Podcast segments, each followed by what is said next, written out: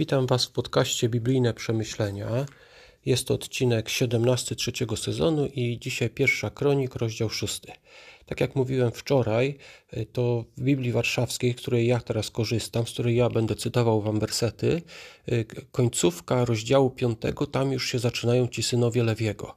Y, w wielu innych przekładach synów Lewiego, ten rodowód mamy w całości w rozdziale 6.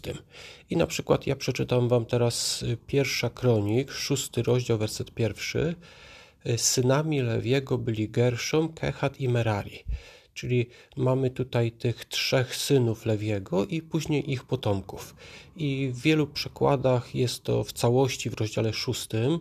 Wadą jest to, że ten rozdział jest później bardzo długi, ponad 80 wersetów, albo tak jak w tej Biblii jest podzielony i część mamy w końcówce rozdziału 5, a e, resztę mamy właśnie w rozdziale szóstym.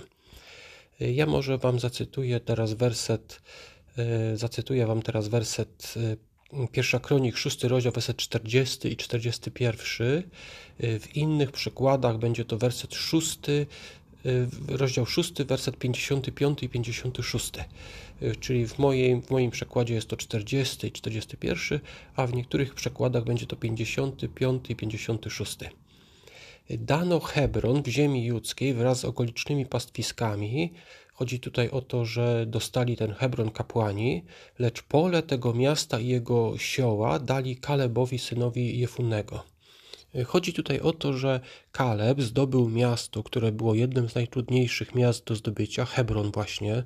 Podobno byli tam bardzo potężni, wysocy ludzie, a potem to miasto oddano, zabrano mu i dano właśnie kapłanom jako miasto schronienia.